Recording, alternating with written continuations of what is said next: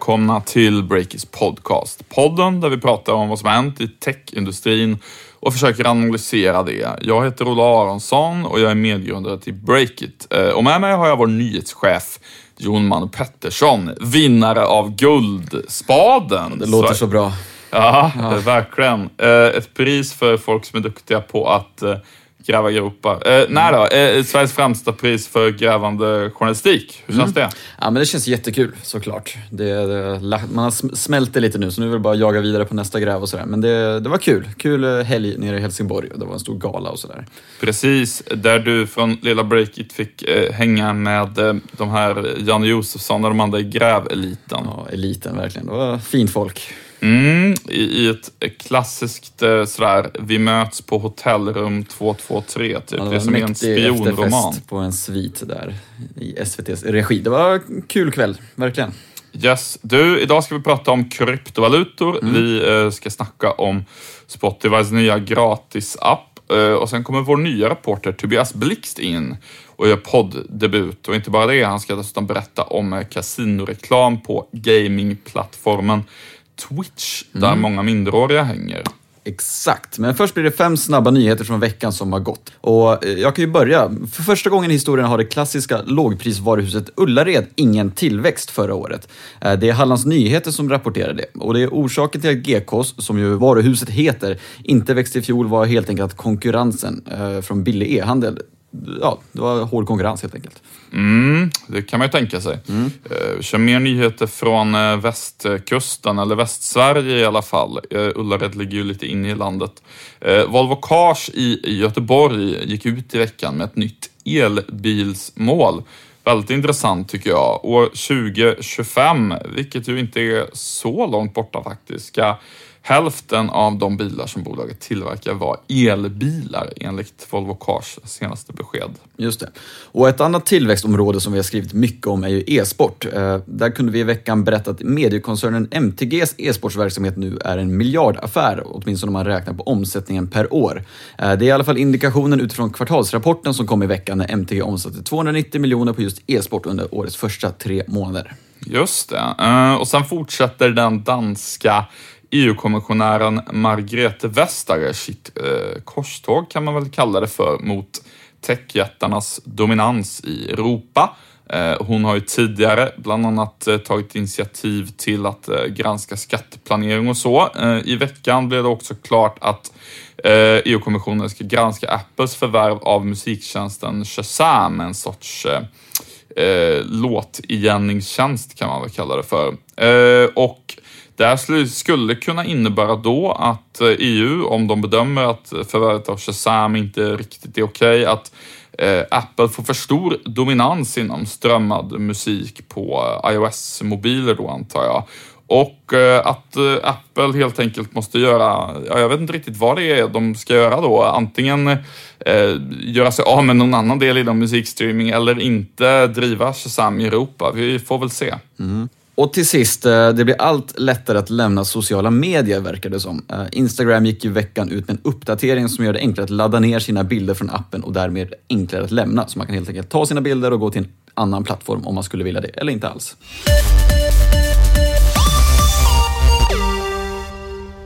Vi har ju med oss Monster som sponsor till Breakers podcast. Eh, Monster är ju ledande i Sverige och stora delar av världen vad gäller jobbannonser inom IT-branschen. Mm, det är de som man vänder sig till om man till exempel behöver hjälp med att hitta en programmerare. Yes. Eh, Monster har ju ett fullservicepaket där de ser till att du når ut i, eh, inte bara deras egna kanaler, som i sig faktiskt är väldigt imponerande tycker jag, Eh, utan också så når du ut via Monster på LinkedIn, på Facebook med remarketing-banners på relevanta sajter. Eh, de sköter allt det här och dessutom eh, så kan du få synas på breakit.se med dina jobbannonser via Monster då, som vi har ett samarbete med. Just det, det är inte helt fel. Eh, Sveriges mest kompletta techannons för rekrytering helt enkelt. Mm, bra summerat. Eh, gå in på breakit.se slash karriär, alltså som i karriär. Eh, där kan du direkt skicka en bokningsförfrågan. Eh, den är inte bindande dock, så att fritt fram och skicka förfrågan så svarar vi på alla dina frågor. Tack Monster! Mm, då tänkte vi ska börja prata lite om bitcoin. Eh, ni som lyssnar minns säkert den brutala hypen kring bitcoin i höstas och även lite i vintras då, när i princip varenda svensk skulle köpa kändes det som. Jag kände många, många vanligt folk som helt plötsligt ville ge sig in i racet. Ja, verkligen. Eh, jag har en eh, nära vän till mig som ehm, hon jobbar i ehm, kulturbranschen kan man säga och har liksom inga kompisar, inga föräldrar eller någon sån som har investerat i aktier, aldrig varit nära i värdepappersinvesteringar på något sätt. Men även hon hörde av sig till mig med ett sms där i november och sa vad säger du, ska jag via Avanza eller Nordnet kanske det var, investera i bitcoin? Det, det fick mig att få upp ögonen lite grann. Mm, vad svarade du då? Nej, jag skrev att jag inte tyckte hon skulle göra det, men sen gjorde hon det ändå. Ja. Eh, men, men, men, i vart fall, det var då det. Mm. Och eh, vi på Break, vi har skrivit väldigt mycket om bitcoin också. Bland annat, eh, ja, allting har egentligen blivit väldigt, väldigt läst får man väl säga. Åtminstone speciellt i höstas och vintras. Jag sitter ju, sitter ju och stirrar ganska mycket på trafik och sånt i min roll. Men det har du säkert också märkt av intresset kan jag tänka mig. Ja, nej, men verkligen. Det, det var ju ett oerhört intresse där. Men man kan väl säga att det ändå har svalnat eh, nu, det riktigt stora, eh, breda intresset. Jag, jag tänkte att vi ska göra en liten lägesuppdatering här nu. Det. Eh, för det är ju faktiskt så att även om jättehypen kring bitcoin eh, har lagt sig så är det ju ändå så att det är ju väldigt mycket folk som fortfarande, runt om i Sverige och resten av världen, som fortfarande sitter på eh, kryptotillgångar, inte bara i bitcoin utan också andra kryptovalutor. Många är kvar helt enkelt med innehav, så att det där är fortfarande en, en viktig angelägenhet. Det är fortfarande hett? Mm, det är fortfarande hett i den meningen. Inte lika hett medialt och inte lika hett som i att ja, värdet har inte gått upp utan gått ner istället de senaste månaderna. Men det är fortfarande något som faktiskt angår många i meningen att många sitter på värdepappret. Men om vi bara tittar tillbaka lite, hur har det gått för bitcoin då sedan liksom hypen? Vad, hur, hur, hur, hur står sig kursen? Nej, men sen toppen på hypen har ju kursen i princip halverats. Mm. Eh, det var ju uppe där eh, lite innan jul på 19 000 dollar då. Och nu är det nere på lite över 9. Mm. Så ungefär en halvering sen toppen. Eh, samtidigt är det fortfarande så att de som köpte bitcoin för ett år sedan, eh, alltså innan den här hösthåsen, de har fortfarande fått sex gånger pengarna om man köpte för ett år sedan och behållit dem fram tills idag. Eh, så att, ehm, som alltid beror sånt där på mer exakt vilket tidsperspektiv man har. Men det stora övergripande temat som jag ändå tycker är väldigt intressant, det är att Eh, mot bakgrund av otroligt många som faktiskt köpte bitcoin under förra året och, hur många som säkerligen har kvar dem nu, så är det ju intressant hur väldigt, väldigt lite som har hänt vad gäller den eh, riktiga användningen av bitcoin. Och då pratar jag alltså om bitcoin som betalmedel för att köpa riktiga saker på nätet och föra över mellan privatpersoner lite motsvarande som Swish. Mm. För det gör ju ingen, förutom kanske några kriminella som det alltid har varit ungefär, eller? Exakt så. Ja. Uh, nej, men användningen av bitcoin är ju hur man än vrider och vänder på det eh, mikroskopisk. Mm. Om man ser till att det är någonting som liksom aspirerar på att vara en riktig valuta motsvarande dollar eller någonting. Um, jag läste en, en bra debattartikel på textsajten Recode nu i veckan som fick mig att, att tänka på det här ett varv till. Hur, alltså hur, vad ska man säga, slående det ändå är att med tanke på hur spritt bitcoin har blivit nu, hur lite det ändå används för att köpa grejer. Mm. Uh, uh, han som skrev den här debattartikeln heter William Harris och han har grundat ett bolag som heter Personal Capital Corporation. Det är en sorts digital förmögenhetsförvaltningstjänst. Han har grundat eh, en rad bolag tidigare i USA inom bland annat cybersäkerhet och eh, flera andra områden. Sitter i en rad styrelser och så. Um, och är väl kanske mest känd för att han tidigare var VD för Paypal, annars right. betaltjänsten, som även Elon Musk med flera var med och startade. Mm. Vad, kom, han, vad, vad, kom, han fram till då i sin artikel? artikeln har den um, härliga rubriken Bitcoin är is the greatest scam in history. Ja. Alltså ja, största bluffen någonsin, ungefär. Um, och han påpekar i artikeln precis det här, William Harris, att det är ju faktiskt så att bitcoin används ju inte som ett riktigt betalmedel någonstans egentligen.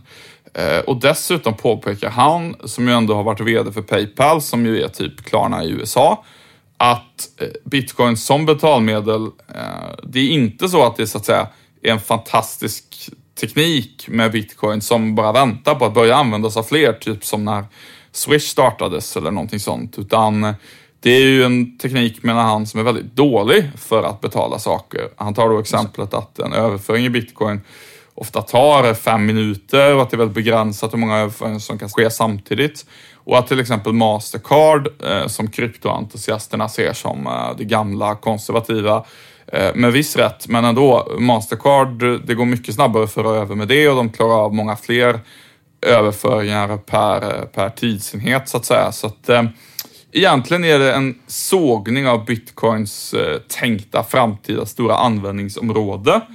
Eh, och jag måste säga att när jag läste den här artikeln och påmindes om hur många som fortfarande har bitcoin i relation till hur många som använder det som betalmedel, det vill säga typ ingen, mm. så är det ju slående hur, eh, hur lite det egentligen har slagit igenom. Man skulle kunna jämföra med hur många som har en viss betalapp eller vad som helst. Liksom. Alltså, någonting som så många använder som har tänkt, som har liksom ett tänkt någonting som så många har mm. som har ett tänkt användningsområde som ingen ändå använder det till. Det, det säger ju någonting. Och hans poäng i artikeln är då att det enda som bitcoin är bra för, det är just, uh, lite som du indikerade innan, kriminell aktivitet. Mm. För där fyller det ju så att säga syftet att det inte är spårbart på samma sätt som annat. Men är det inte lite så att bitcoin, det, att det inte är en valuta utan snarare en råvara? Att det är liksom digitalt guld, man kanske inte behöver handla med det, men det har ändå ett värde, eller det har ju fått ett värde ändå så att säga. Mm.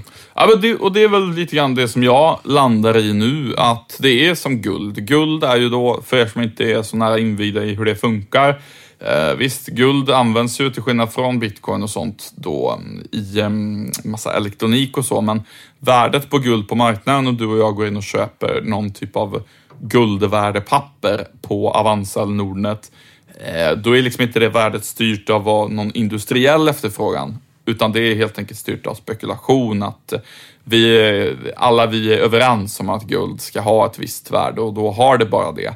Vilket ju är samma sak med bitcoin då egentligen. Uh, och det är ju um, det är ju så det är just nu. Mm. Men uh, det innebär ju då, om man bestämmer sig för att det är vad bitcoin är och inte ett framtida betalmedel, uh, då kan man ju hävda att värdet kanske ändå borde falla så att säga, för att det finns mycket spekulation om framtida användning i i priset. Eller åtminstone att bitcoin blir lite mindre intressant för typ alla som jobbar med innovationer och bygger mm. riktiga företag och så. Men sen finns det väl andra kryptovalutor som är snabbare än bitcoin? Typ bitcoin cash är ju sånt där eh, som har brutit sig loss. De har ju gått ganska bra senaste veckan nu, att de har dubblat kursen eller något sånt där. Mm. Eh, så det finns väl kanske, ett, kanske finns en framtid för krypto, men kanske inte just bitcoin då? Ja, there's det, men eh, där är det ju ändå, även med bitcoin cash eller andra som där så att säga, det rent betaltekniskt finns eh, större fördelar så är det fortfarande så att det där är en dröm om framtid så att säga. Mm. Det, är, det är ju fortfarande så att eh, Eftersom eh, där har man ju då problemet att värdet går upp och ner hela tiden. Snarare, och därför vill man liksom inte köpa ett par skor för de pengarna för det blir för opolitligt. Men något finns det ju ändå. Jag menar, på Breakit skrev vi i veckan om att Silicon Valleys mest, eh, kanske tyngsta techinvesterare, nu kan jag inte knappt uttala namnet, Andreessen Horowitz, säger man så? så? Ja, men de planerar ju en ny investeringsfond som bara ska rikta in sig på kryptovalutor. Eh, det måste ju ändå betyda något. Ja, jag, eh, vi skrev en gång en aprilskämtartikel där jag mm. sa, vad vet Mark Andreessen som, som inte jag vet? Äh, ähm, Skämt åsido, jag tror inte att jag är smartare än Mark Andreessen, utan det är mer... Jag tycker verkligen att det är skillnad på att starta en fond som ändå kan investera i bolag. Mm. För ett bolag kan ju någonstans eh, börja bygga någonting på en blockkedjeteknik, krypto, men sen kan bolaget, om man märker att det inte funkar, förändra sig och bli någon annan typ av fintechbolag eller, eller så. Eh, alltså ett bolag kan alltid byta affärsmodell och vrida och vända på, um, på vad man håller på med på ett sätt som inte liksom en ett ren värdepapperstillgång som liksom inte har någon vilja så att säga eh, i sig kan göra. Eh, så det tycker jag är lite skillnad där. Eh, om jag förstår det rätt så um, ska ju den här fonden eventuellt då enligt källor till techsajten Rico då, som får mycket cred i den här podden, mm. så ska ju den här fonden som Andreessen ska starta kunna investera i nya kryptovalutor också, och inte bara i bolag, men den har ju ändå, eh, gissar jag då, ett så pass brett investeringsmandat som man lite grann kan styra om beroende på vart, eh, vart vinden blåser där. Så att, eh, jag tycker inte riktigt det är samma sak ändå. Du, eh, något som i alla fall inte är en bluff, som eventuellt bitcoin är då, eh, det är Spotifys aktie. I och för sig en del som anser att den är en bubbla också kanske. Eh, I vart fall så gick Spotifys aktie ner nu på tisdagen, som är dagen innan vi spelar in det här på onsdagen. Och det gjorde den efter beskedet om att bolaget ska lansera en ny version av gratisappen. Den hatade gratisappen, Ja, den har ju varit vad vissa får man ändå säga. Mm, verkligen. Eh, Det hade ju läckt ut en del innan. Bloomberg hade ett um, lite småkryptiskt men ändå bra avslöjande om att Spotify skulle lansera en ny eh, version av den här appen. Eh, och för mig var det här lite oväntat, mest på grund av den kritik mot just gratiserbjudanden som har kommit från Taylor Swift och väldigt många andra artister senaste åren.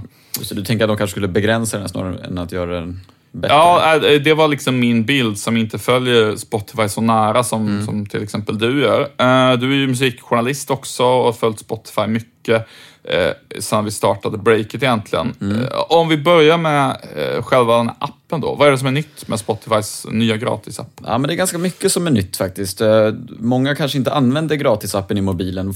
Här i Sverige är det ju ganska vanligt med premiumabonnemang och sådär och säkert bland våra lyssnare också. Men eh, Spotifys mobilapp, den som är gratis, den har sett ganska likadan ut sedan 2013-2014 någon gång där den släpptes. Och den har ungefär funkat som så att man kan inte välja några enskilda låtar att lyssna på utan det är snarare som en liten radiotjänst där man kan liksom shuffla runt med på låtar som Spotify tycker att du ska lyssna på. Och man kan liksom ha kunnat göra viss, liksom, ja jag gillar hiphop ungefär och sen får man något utifrån det. Men det har varit väldigt ospecifikt. Liksom. Desktop-versionen som är gratis, där kan man ändå välja, ha kunnat välja, men med reklam och så vidare. Men mobilappen har varit väldigt begränsad helt enkelt. Vad härligt att det är. Det känns som att jag och eh, alla lyssnare till den här podden inte har en aning om det här för att alla känns Ja, jag som höginkomsttagare jag fick ju research också, måste jag erkänna. Så jag Ja. vad är nytt egentligen? Ja. Nej, men, men det är, så har det sett ut i alla fall. Och det som är nytt nu, det är att man för det första kommer man kunna ta del av upp till 15 olika playlists som är, som, som är väldigt viktigt för Spotify, som är lite mer inriktade, de är väldigt populära och ja, man kan, kommer kunna välja låtar mycket mer i dem så att säga. Eh, sen har rekommendationerna blivit mycket bättre. Man kan till exempel söka upp en viss artist som jag vill lyssna på, Ken Ring till exempel. Då kan jag söka upp honom, playa det och sen kan jag shuffla vidare utifrån det och sen lyssna på massa annat Ken. Eh, så, så man kan liksom välja mycket mer men det är fortfarande att du inte kan välja en specifik låt, vilket är väldigt irriterande för en som Liksom har premium själv. För jag laddade hem den här appen nu och testade gratis och det var ju väldigt störigt att liksom inte kunna välja låt utan bara välja artist ungefär. Eh, men, men det är helt enkelt, den är mycket mer skräddarsydd men fortfarande begränsad kan man säga. Plus att det fortfarande är reklam då. Och en sista sak som de också har lanserat är att de har skaffat ett lågdataläge som det kallas, vilket innebär att man ska kunna lyssna på musik utan att det drar lika mycket data från ditt eh, mobilabonnemang helt enkelt. Så, eh, man ska spara 75 procent av dataförbrukningen tror jag de sa. Eh, Och det kan vara ganska viktigt om man vill nå ut på nya marknader där data är värt väldigt mycket så att säga, där det kostar pengar. Just det. Eh, det här är något som vi, många, mm, återigen kanske som lyssnar på den här podden då kanske inte vet, men eh, Sverige är ju faktiskt en marknad där det är väldigt billigt med just mobildata. I många länder med sämre utbyggda eh, 3G, eh, 4G-nät och så, eller länder där folk använder inte ens smartphones, så är det ju väldigt, det är väldigt dyrt eh, att ringa och surfa och, eh, och sådär på Och många då, andra och då är det ju marknader. svårt att slå igenom med en app också om Spotify vill etablera sig i, på stora marknader i Afrika till exempel. Då Ja, måste man precis. slimma appen helt enkelt. Men det är väl det nya helt enkelt. Det har blivit en mycket bättre app för, eh, för de som inte vill betala för musiken helt enkelt. Just det. Och om man då tänker sig de senaste årens debatt eh, med mycket kritik från artister.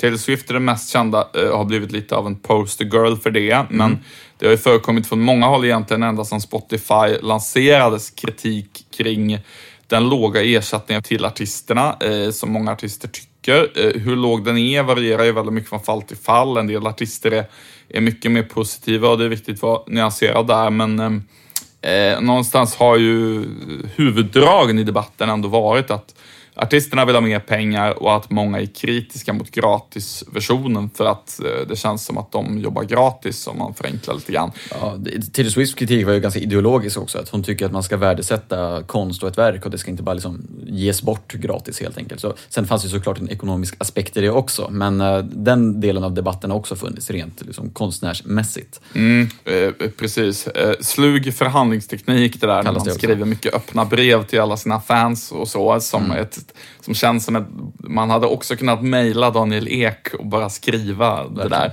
Eh, eh, men eh, vi lever i de öppna brevens tidsålder. Du, mm, mot bakgrund av allt det här då, är det inte lite oväntat att Spotify lanserar något som ger mer gratis?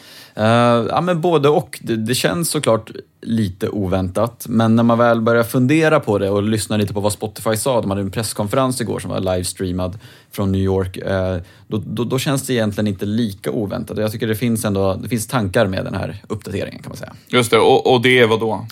Ja, men det finns flera skäl till det. Eh, dels är det som så att Spotify sitter såklart på en massa data och testar vad som funkar och inte funkar i liksom jakten på att konvertera till betalande användare. Eh, att de gör det här, det får man nog ändå vara ganska trygg i att de har data på att det faktiskt konverterar bättre till att fler blir premiumanvändare Eh, av den här tjänsten, av olika skäl. Varför det är så, det är svårt att spekulera i, men det, det menar nog Spotify åtminstone. Eh, sen menar de också att för att kunna konkurrera med till exempel radion som, och Youtube som betalar väldigt väldigt lite eh, ersättningar, speciellt Youtube då, eh, så måste man ha en bättre produkt helt enkelt. Den andra produkten kan inte riktigt konkurrera med radio om man vill få använda det till sin tjänst. Så man måste vara lite bättre på gratisversionen, för det kommer alltid finnas de som inte vill betala, i alla fall inte vid en början, för musik, menar de. Eh, så det är ett skäl, att man vill helt enkelt boosta användarsiffror och få, nå ut till sådana som, en, som idag inte använder sig av Spotify. För Spotify har ett väldigt bra track record sen när det kommer till att konvertera. De, jag tror de har en siffra på 60 procent av alla betalande användare har tidigare varit gratisanvändare.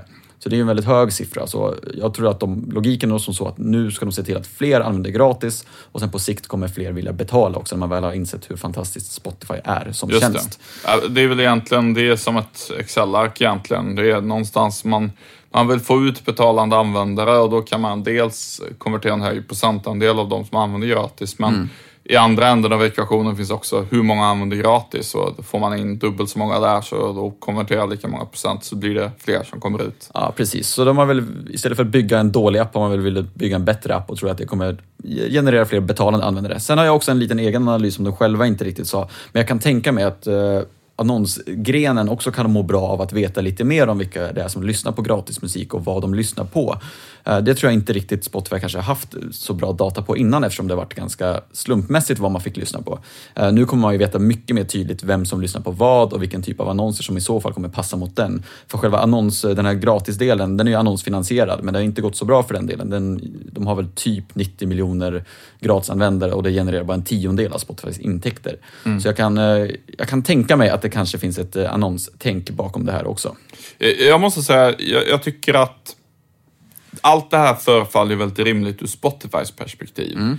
Eh, vad de vill göra är ju att istället för att bara vara som en mäklare som skickar, eh, som liksom tar in intäkter från användare där de eh, skickar vidare det mesta till, till musikerna och lite grann kläms däremellan så vill ju de bli ett, ett mäktigare företag. Mm. De pratar om att de vill, hur de ska nå en miljard användare och när de väl har det, då har de ju en mycket bättre förhandlingsposition. Vilket strategiskt är någonstans dit bolaget måste säga att de siktar på. Där kan jag väl tycka att, för hade jag varit Spotify hade jag väl också gjort så. Men ur artisternas perspektiv så är det fortfarande inte helt självklart att man tycker att det är bra. Man kanske inte vill att Spotify ska bli ett mäktigare företag. Det kanske är ganska bekvämt att man lite grann kan eh, hota dem med att hoppa av och, och så när de har då, då är det snarare bra om det finns många olika streamingplattformar man kan spela ut mot varandra. V vad har vi fått för, för, reaktioner från musikskapare? Nej, men det har inte varit så mycket reaktioner och det tycker jag också säger någonting om att tiderna har förändrats lite grann. Hade Det varit för några år sedan i Taylor Swift-protesteran, då hade det låtit väldigt, väldigt annorlunda om Spotify liksom gjort en ännu bättre liksom, gratis app, att nu ska det bli ännu mer attraktivt att inte betala. Alltså då har ju debatten varit, det har varit storm liksom, på sociala medier. Nu är det inte riktigt så och det är nog, handlar ju egentligen om att Spotify redan nu har fått en väldigt mäktig position. Och jag tror också att äh, skivbolag och artister börjar lita mer på Spotify helt enkelt. Man har bevisat sig att man faktiskt äh, liksom har räddat en industri på sätt och vis, eller men det har man. Och man har visat att man faktiskt genererar pengar. Jag tror de nämnde någon siffra, 8 miljarder euro har betalats ut i royalty till olika skivbolag sedan starten. Det är ju väldigt, väldigt mycket pengar som slussas vidare. Äh, så jag tror någonstans att Spotify har lyckats ganska bra i sin kommunikation mot skivbolagen och faktiskt visar upp data tror jag, som, hur, hur det ska gå till och att de faktiskt tjänar på det här. Det tror jag faktiskt. Ja, och sen så tror jag också som du var inne lite grann på innan att det handlar om vad man jämför med helt enkelt. Eh, radio och eh, radio och eh, Youtube och så vidare. Eh, där, så, där finns det ju någonstans redan idag en massa gratis lyssnande och jag skulle väl liksom gissa eh, ändå att eh, de flesta större representanter för artister, skivbolag, eh, förläggare och så ser väl någonstans att allt fler lyssningar kommer att hamna på såna här streamingappar, typ Spotify och då vill man vara, förberedd, mm. förberedd för det och sätta sina pengar på den hästen. Ja, men jag läste en intervju med Troy Carter heter han. Eh, han är, nu har jag inte hans titel framför mig, men han är någon form av liksom innehållschef-ish. Mm. Han, det, det, kan vara titeln Head of Creative Partnerships Ja, men något sånt. creative Services, något liknande. Och han har en bakgrund innehåll, från innehållssidan kan man säga. Ja, han, men han är gammal skivbolags management-räv mm. kan man säga. Ett riktigt profil i USA. Uh, och han pratar lite om att i förhandlingarna med skivbolagen och så där, då var det ganska viktigt att man skulle kunna låsa in material om man ville det som inte fanns med på freemium-plattformen och sådär. Eh, som en del av de här nya avtalen som Spotify förhandlade fram. Just för att vissa var emot det här med gratisversionen. Men enligt honom så är det bara en handfull som har valt att låsa in sina album på detta sätt eftersom de har fått se data på att liksom vår alltså våra lyssnare finns även på freemium och för att vi ska kunna nå ut med vår musik så måste vi finnas även där. Att man kan liksom inte bara låsa in den och tro att man ska få samma genomslag. Typ Jay-Z på Tidal, liksom, vem lyssnar på hans nya skiva? Eh, de flesta vet ju inte ens att han har släppt den ungefär i Sverige. Nej, så... verkligen. Jag måste säga, där, där är jag själv ett exempel. Jag lyssnade mycket på Jay-Z och, och, och, så när eh, det var CD-skivor som gällde, The mm. Blueprint eh, 2000 something, eh, som man lyssnade på i, i de sena tonåren kanske det var.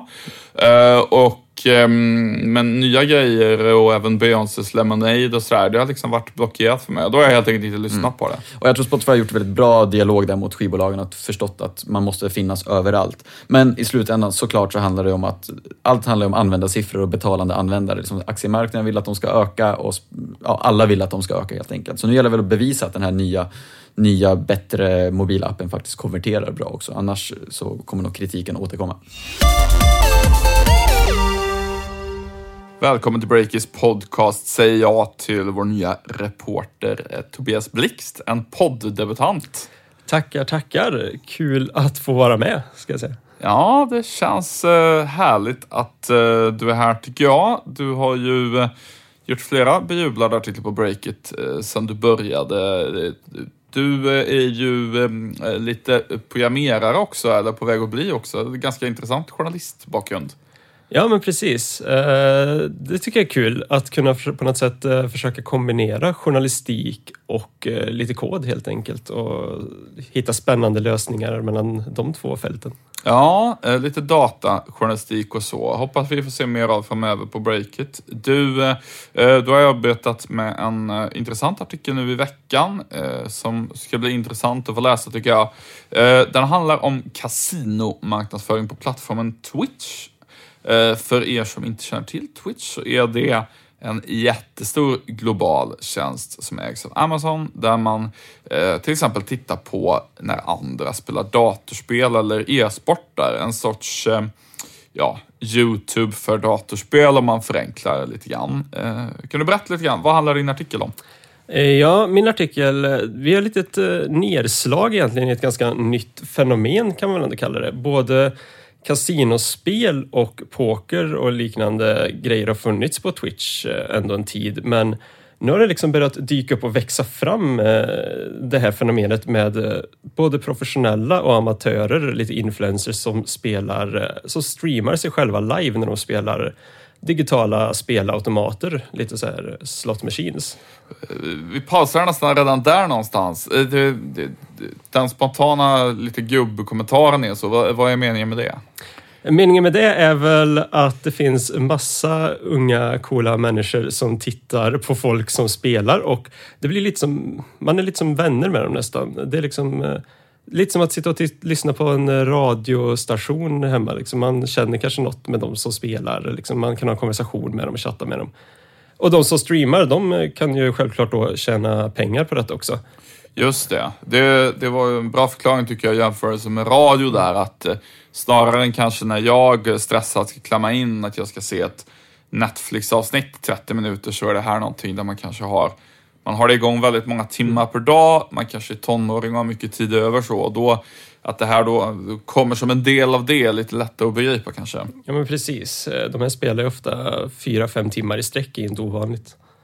Just det. Du, eh, vad det här handlar om då, att man eh, som twitchare sitter och eh, streamar nätkasinon och andra tittar. Det kan man ju på ett sätt tycka att eh, ja, det är väl inte så mycket konstigare än om någon sitter och tittar på när någon spelar något eh, plattformsspel där man kanske också skulle kunna vinna pengar. Eh, men det här är ändå lite mer kontroversiellt, får vi säga, eh, tycker jag i alla fall.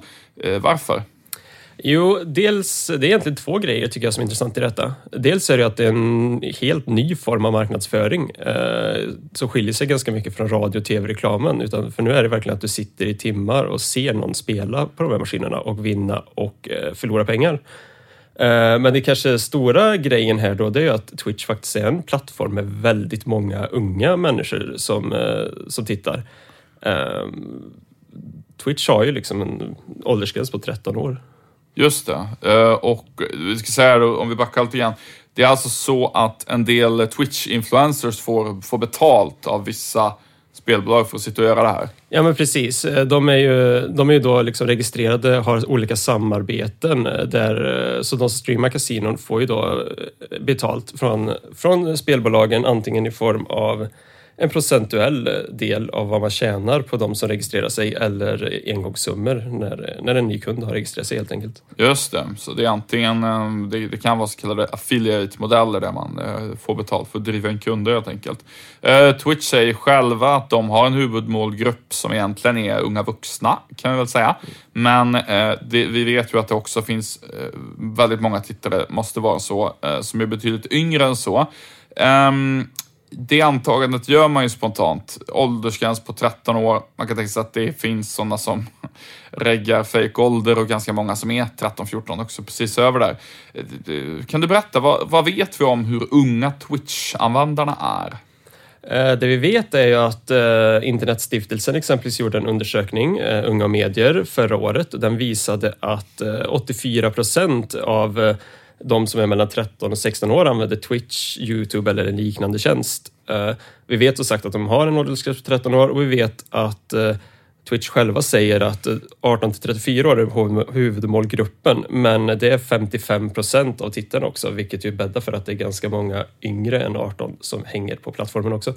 Just det, så man kan väl säga att baserat på dels de antaganden du gör och ehm, så att säga Twitch-verksamhet, eh, vad den är och baserat på Internetstiftelsens undersökning så kan vi ju göra antagandet att det eh, i Sverige absolut inte vore konstigt om det fanns eh, tiotusentals tonåringar som satt och tittade på Twitch. Sen vet vi inte hur många av dem som tittar på just kasino, men det antagandet är inte, det är inte så konstigt, eller vad säger du? Nej, nu har jag pratat lite med både någon som streamar kasinon och mm. Eh, kasino bettingbolag som har gjort det och de eh, har gett eh, sin syn på att på, på just de här streamarna så har det inte varit många unga som har tittat. Stora kontroversiella är ju att man egentligen är mitt på plattformen och att det finns inga gränser egentligen som, som hindrar unga att man tittar dit. Man kan sätta en åldersmärkning men den är ju bara att klicka bort egentligen och fortsätta titta. Just det. Eh, så om vi går in lite mer på vad annonsörerna säger, säger de då liksom att eh, deras argument för varför det är okej okay är liksom att det är ändå inte så många unga som är inne på just det här, eller har de något ytterligare resonemang? Nej men precis, det är både att eh, de tycker att man, man varnar för det helt enkelt och det faktum att man inte kan registrera sig på, på bettingsidorna då, om man inte är 18 år. Eh, men ja, det kan ju fortfarande bli varumärkesbyggande reklam och att du kanske börjar spela sen eller något sånt. Um, om vi säger så här då, uh, vi kan ju påminna lite grann om om svensk lagstiftning, vad den då egentligen säger kring sånt här. Till att börja med så får man inte dir rikta direkta köpuppmaningar, som det heter. Alltså, köp det här nu, typ till barn, det vill säga personer under 18 år i Sverige. Eh, det gäller alla medier, därmed även Twitch. Eh, du får heller inte uppmana dem att övertala sina föräldrar. Um, vad skulle du säga i det här fallet? Är det så att det, kan komma, det kan vara så att det är en köpuppmaning eller är det så att ehm, det här är man säger inte köp, köp, utan det är mer av man inspireras kanske till att spela genom att titta på det. Ja, men precis så skulle jag säga. Uh, det jag har tittat på så har det varit uh, överallt också ganska mycket varningar och åldersmärkningar och sånt. Men det är just det att man kan faktiskt, man kan sitta i många timmar och titta på någon som faktiskt spelar slot machines och liknande. Just det. Uh, och sen ska vi säga också då tillägg kring lagen är att eh, tv-kanaler som sänder från Sverige får inte rikta reklam till barn under 12 år. Eh, det gäller dock inte om man till exempel TV3 som sänder från London. Eh, MTG har lagt upp det så. Eh, I det här fallet har ju Twitch då en en åldersgräns på 13 år, så att så länge de liksom håller den så att säga så gäller ju inte det, det här heller. Eh, om man skulle oavsett det kunna hävda att den inte är riktad till den målgruppen, även om någon i den målgruppen råkar titta på det. Så um, utifrån allt det här så att säga så finns det väl jämfört med kasinoreklam generellt på till exempel Expressen så kan man ju inte se att det här rent eh, kanske juridiskt så skulle vara olagligt eh, i Sverige, blir min spontana analys. Vad, vad är din bild eh, kring, alltså, om det skulle kunna vara otillåtet på något sätt? Är det så, eller vad tänker du?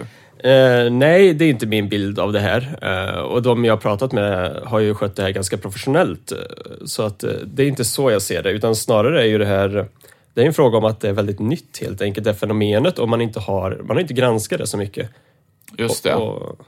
Ja, det, det, är lite intressant tycker jag. En sak som slog mig är om vi då ska äh, stoppa om vi då ska stoppa eh, barn från att typ titta på när deras föräldrar spelar på en slottmaskin i verkligheten på en båt eller så.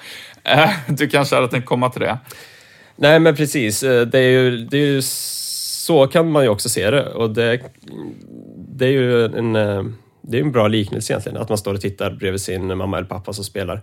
Um, grejen är väl här då att man kanske inte har samma kontroll på vem som tittar på vad och vem som faktiskt streamar. Uh, mm. Alla har ju inte de här professionella streamingnätverken heller som är knutna till, uh, ja, till vissa avtal kanske. Och i det här fallet är det ju så uh, att eftersom man har betalt för att spela på en sajt från till exempel Leo Vegas som ju är en jättestor aktör nu inom, uh, inom nätkasino så skulle det kunna vara så att det finns något, eh, vad ska man säga, lite otydligt där i själva marknadsföringen. Eh, eh vad, mm, vad ska man säga, är det här tillräckligt tydligt annonsmärkt och så, men å andra sidan då kan väl kasinobolagen i sin tur hävda att det inte är konstigare än att eh, Zlatan har skor från Puma på sig under hela matchen. Så att jättespännande trend tycker jag. vad tror du kommer hända nu på det här området?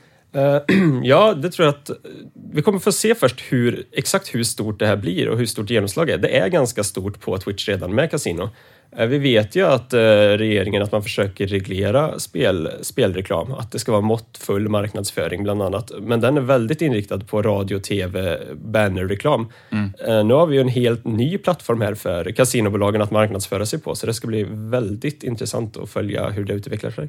Just det, och om vi avslutar då Twitch då, vad, det, de ägs ju av Amazon som aldrig brukar kommentera någonting och sådär, men har de gjort något uttalande kring det här? Eh, inte nu. Det vi vet är att eh, tidigare så har man inte kunnat eh, prenumerera på, på människor som streamar kasino helt enkelt. Eh, det kan man nu enligt de streamers jag har pratat med. Nu är det öppet för alla att bli influencers, så de, verkar, de verkar ha öppnat upp lite där.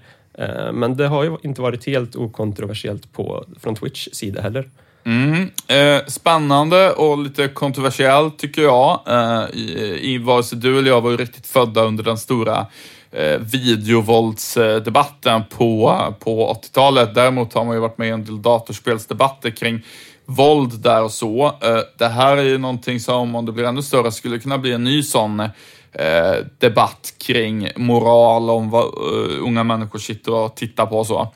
Det tror jag absolut faktiskt. Mm, spännande att följa. Jättebra gräv tycker jag.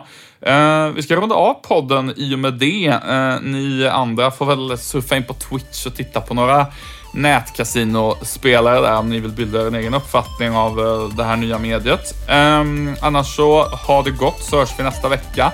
Vi ska tacka Beppo ljudproduktion som klipper det här och Monster som sponsrar podden. Hej då!